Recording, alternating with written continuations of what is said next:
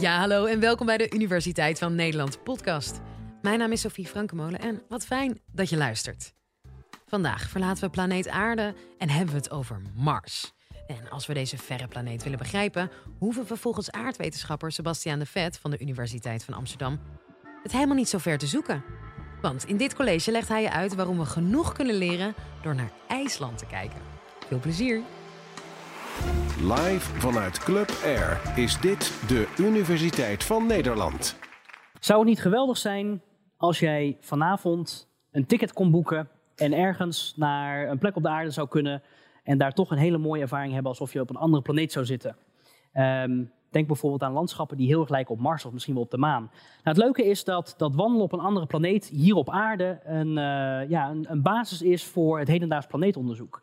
Want er zijn namelijk landschappen die ons heel erg veel vertellen, die heel erg lijken op die landschappen die op andere planeten uh, te zien zijn.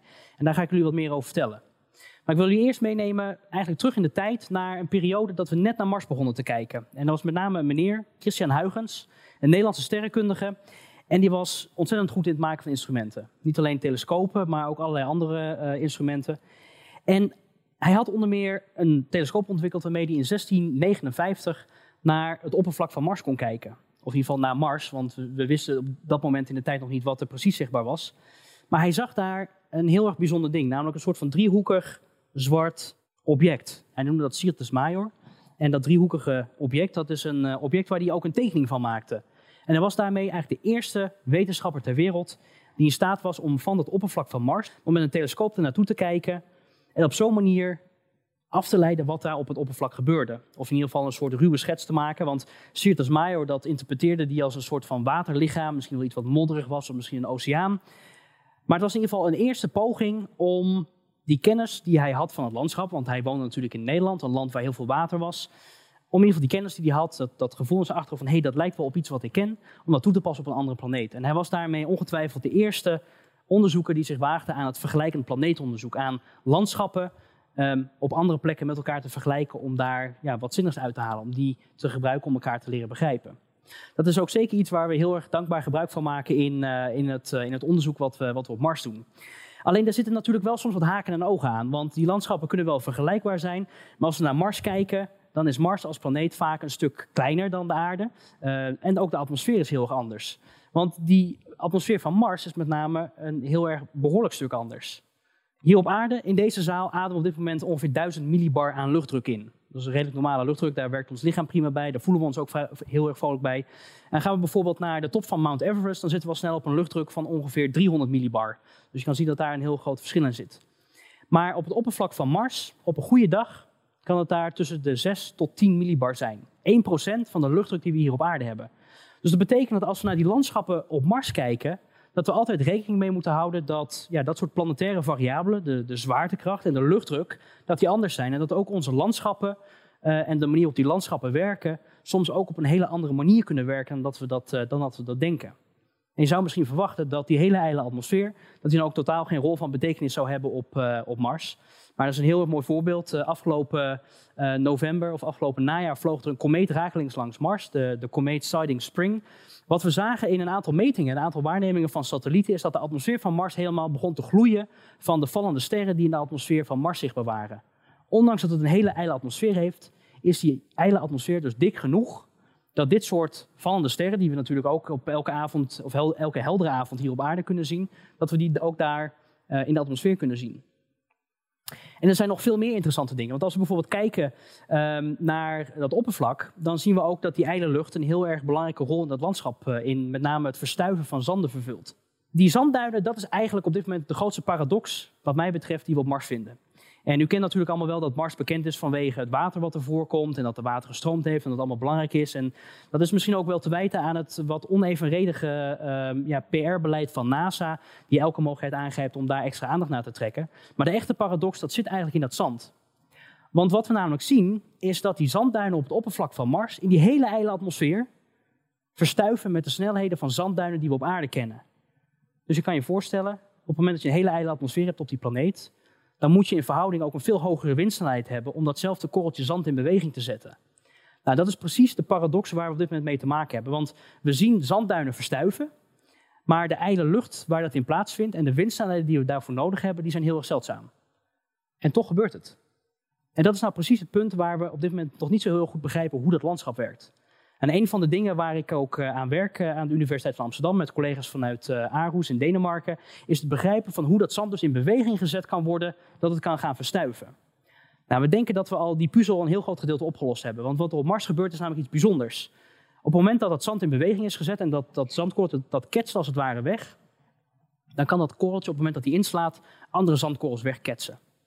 En op het moment dat die andere zandkorrels worden weggeketst, dan kan je die zandkorrels in beweging houden bij een veel lagere windsnelheid dan zeg maar het eerste zetje wat je die eerste korrel geeft. Dus je krijgt als het ware een soort van cascade van één zandkorrel die wordt weggeblazen. Die ketst dan meerdere zandkorrels los en die ketst op hun beurt ook weer allemaal zandkorrels los. En dat kan bij veel lagere windsnelheden dan dat eerste zetje. En dat betekent dus ook dat dat eerste zetje eigenlijk het belangrijkste is om te begrijpen. Want die lage windsnelheden die komen wel op Mars voor. Maar die windsnelheden die we normaal gesproken nodig hebben voor het eerste zetje, dat kan vaak in de orde grootte van een grote uh, storm zijn. Dan hebben we het echt over orkaankrachtachtige winden. En een van de dingen waar wij naar kijken in ons windtunnelonderzoek is met name het eerste moment waarbij die zandkorrels in beweging kunnen komen. Dat is niet zozeer het wegschieten van zo'n zandkorrel, maar echt het wegrollen van individuele zandkorreltjes. En dat, dat wegrollen, dat blijkt ook echt vanuit windtunnel-experimenten die we hebben gedaan, bij een veel lagere windsnelheid uh, plaats te vinden dan dat we op dit moment dachten. Dus met name grotere zandkorrels hebben daar een positief effect van. En we zien ook dat met name dit soort zandafzettingjes in precies de juiste korrelgrootte uh, afzetting zitten, waarbij we dus die positieve effecten zien van het wegrollen van die zandkorreltjes. En dat betekent als u ooit nog in een ruimtepak op Mars rondloopt en het is een beetje een winderig dagje, trap dan niet achterloos wat zand voor je uit. Want voor je het weet, geef je namelijk met, dat, uh, met het trapje wat je geeft, een heel klein zetje, waarbij je eigenlijk voldoende zand in beweging hebt gezet, waardoor je dus die cascade krijgt en al dat zand plotseling aan het wegschieten is. En voor je het weet heb je een stofstorm gestart die de hele planeet als het ware om, uh, omvat. En dat wilt u natuurlijk ook niet op uw geweten hebben voor uw collega-astronauten. Dit soort dynamiek, dit soort landschappen, dit soort zwarte vlekken, met name rond de Noordpool, waar we, waar we hele grote zwarte zandvelden vinden. Dat zijn precies de plekken waar ik geïnteresseerd ben om te begrijpen wat daar nou precies in het landschap gebeurt. En daar heb je natuurlijk vaak ook wat menselijke kennis nodig om, uh, om, uh, om te kunnen werken. Dat wil niet zeggen dat een mens op Mars op dit moment de juiste oplossing is. U bent natuurlijk wel eens bekend met de Mars One-missie. Een heel erg interessant initiatief waarbij er uiteindelijk een bemande kolonie op Mars moet komen. Maar het overleven in zo'n ijle atmosfeer, dat, dat is natuurlijk wel te doen als je een ruimtepak hebt. Want die luchtdruk is heel belangrijk, ook voor ons lichaam om te functioneren. Maar omdat er ook heel weinig lucht is, is zo'n ruimtebasis toch wel heel erg gevoelig voor bijvoorbeeld straling. Er is bijna geen lucht die die straling opvangt. En daarnaast zien we ook dat de technische randvoorwaarden, de techniek die je nodig hebt om zo'n basis in leven te houden, dat die eigenlijk ja, in de huidige plannen nog niet ver genoeg uitgewerkt zijn om inderdaad dit een uh, levensvatbaar uh, concept te noemen. Een uh, recente studie van het toonaangevende MIT-instituut uit Amerika, die heeft dat onder meer laten zien. En het illustreert in ieder geval dat een mens op Mars plaatsen en het daar te laten leven en overleven nog een heel erg moeilijke aangelegenheid is om daar daadwerkelijk iets zinnigs te kunnen doen met, met het onderzoek. Maar er is nog een belangrijke reden waarom ik denk dat dit project Mars One, een Nederlands initiatief waarbij dus een aantal mensen gewoon voor een enkeltje naar Mars toe gaan, Um, waarom dat nog niet heel erg aan, aan de orde is, of bemande ruimtevaart op Mars in het algemeen. Want het grote vraagstuk wat op dit moment open ligt op Mars, is of dat er ooit leven is geweest. En of dat er bijvoorbeeld op dit moment nog leven kan zijn. En een van de internationale afspraken die we gemaakt hebben met dit soort ruimtevaartmissies, of niet dit soort bemanden, maar met name de Marsrovers, is dat we die Marsrovers heel mooi steriliseren. Die gaan voor een paar uur een hele hete oven in, om te zorgen dat de bacteriën en de verschillende sporen die erop zitten, dat die dood zijn. Zodat we niet per ongeluk Mars infecteren met onze eigen aardse bacteriën. Nou, je kan je voorstellen, dat is met een astronaut wat lastig te doen. Die kan je niet zomaar een paar uur in een oven zetten. En juist die hygiëne die je op een gegeven moment hebt, als je bijvoorbeeld naar de wc bent geweest en je vergeet even je handen te wassen en je trekt je ruimtepak aan. Ja, voor je het weet zitten de bacteriën aan de buitenkant van je ruimtepak en heb je te maken met een hele snelle infect, infectie van, uh, van het oppervlak van Mars. Kortom, pas op het moment dat wij in staat zijn om dat vraagstuk op Mars op te lossen van waar dat leven is, of Mars in het verleden leefbaar is geweest en of er misschien nog wel leven is op dit moment, dat is iets wat wij pas kunnen oplossen op het moment dat wij um, onze onbemande rovers daar hun werk hebben laten doen. En tot die tijd denk ik dat wij daar gewoon lekker vanaf afstand uh, met onze joystick vanaf aarde uh, die karretjes daar kunnen laten rondrijden. Maar tot die tijd zijn er nog wel heel veel andere dingen die wij eh, kunnen doen. Want kijk, als mens werken wij natuurlijk heel erg efficiënt in het landschap. Wij kunnen daar, uh, zeker als we getraind zijn in geologie of geomorfologie of biologie, heel goed zoeken naar allerlei aspecten van hoe leven ontstaat, hoe landschappen zich ontwikkelen. Dus juist dat veldwerk is een heel belangrijk component die we, die we hier op aarde nog steeds kunnen doen. En dat is ook iets waar dat landschap waar we net naar keken. Want voor elke foto die ik liet zien is het wel mogelijk om een landschap hier op aarde te vinden waar wij veldwerk kunnen doen. Waar wij kunnen begrijpen hoe dat landschap werkt en hoe we daar uiteindelijk bijvoorbeeld die vraagstukken over leven kunnen oplossen.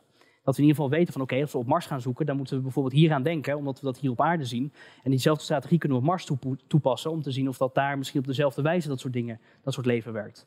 Kortom, ons aardse laboratorium is een heel erg belangrijk, of het aardse veld is een heel erg belangrijk laboratorium waar wij dat planeetonderzoek kunnen, uh, kunnen uitvoeren.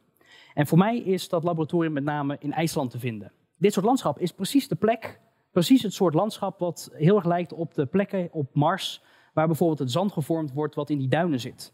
Als we bijvoorbeeld naar de, de globen van Mars kijken, dan vinden we, met name rond de Noordpool en hier zo rond de noordelijke laaglanden, vinden we een heel erg mooi gebied waar we uh, zandzeeën hebben. En die zandzeeën, dat zijn uiteindelijk plekken waar zandduinen voorkomen die bijna uit vulkanisch glas bestaan.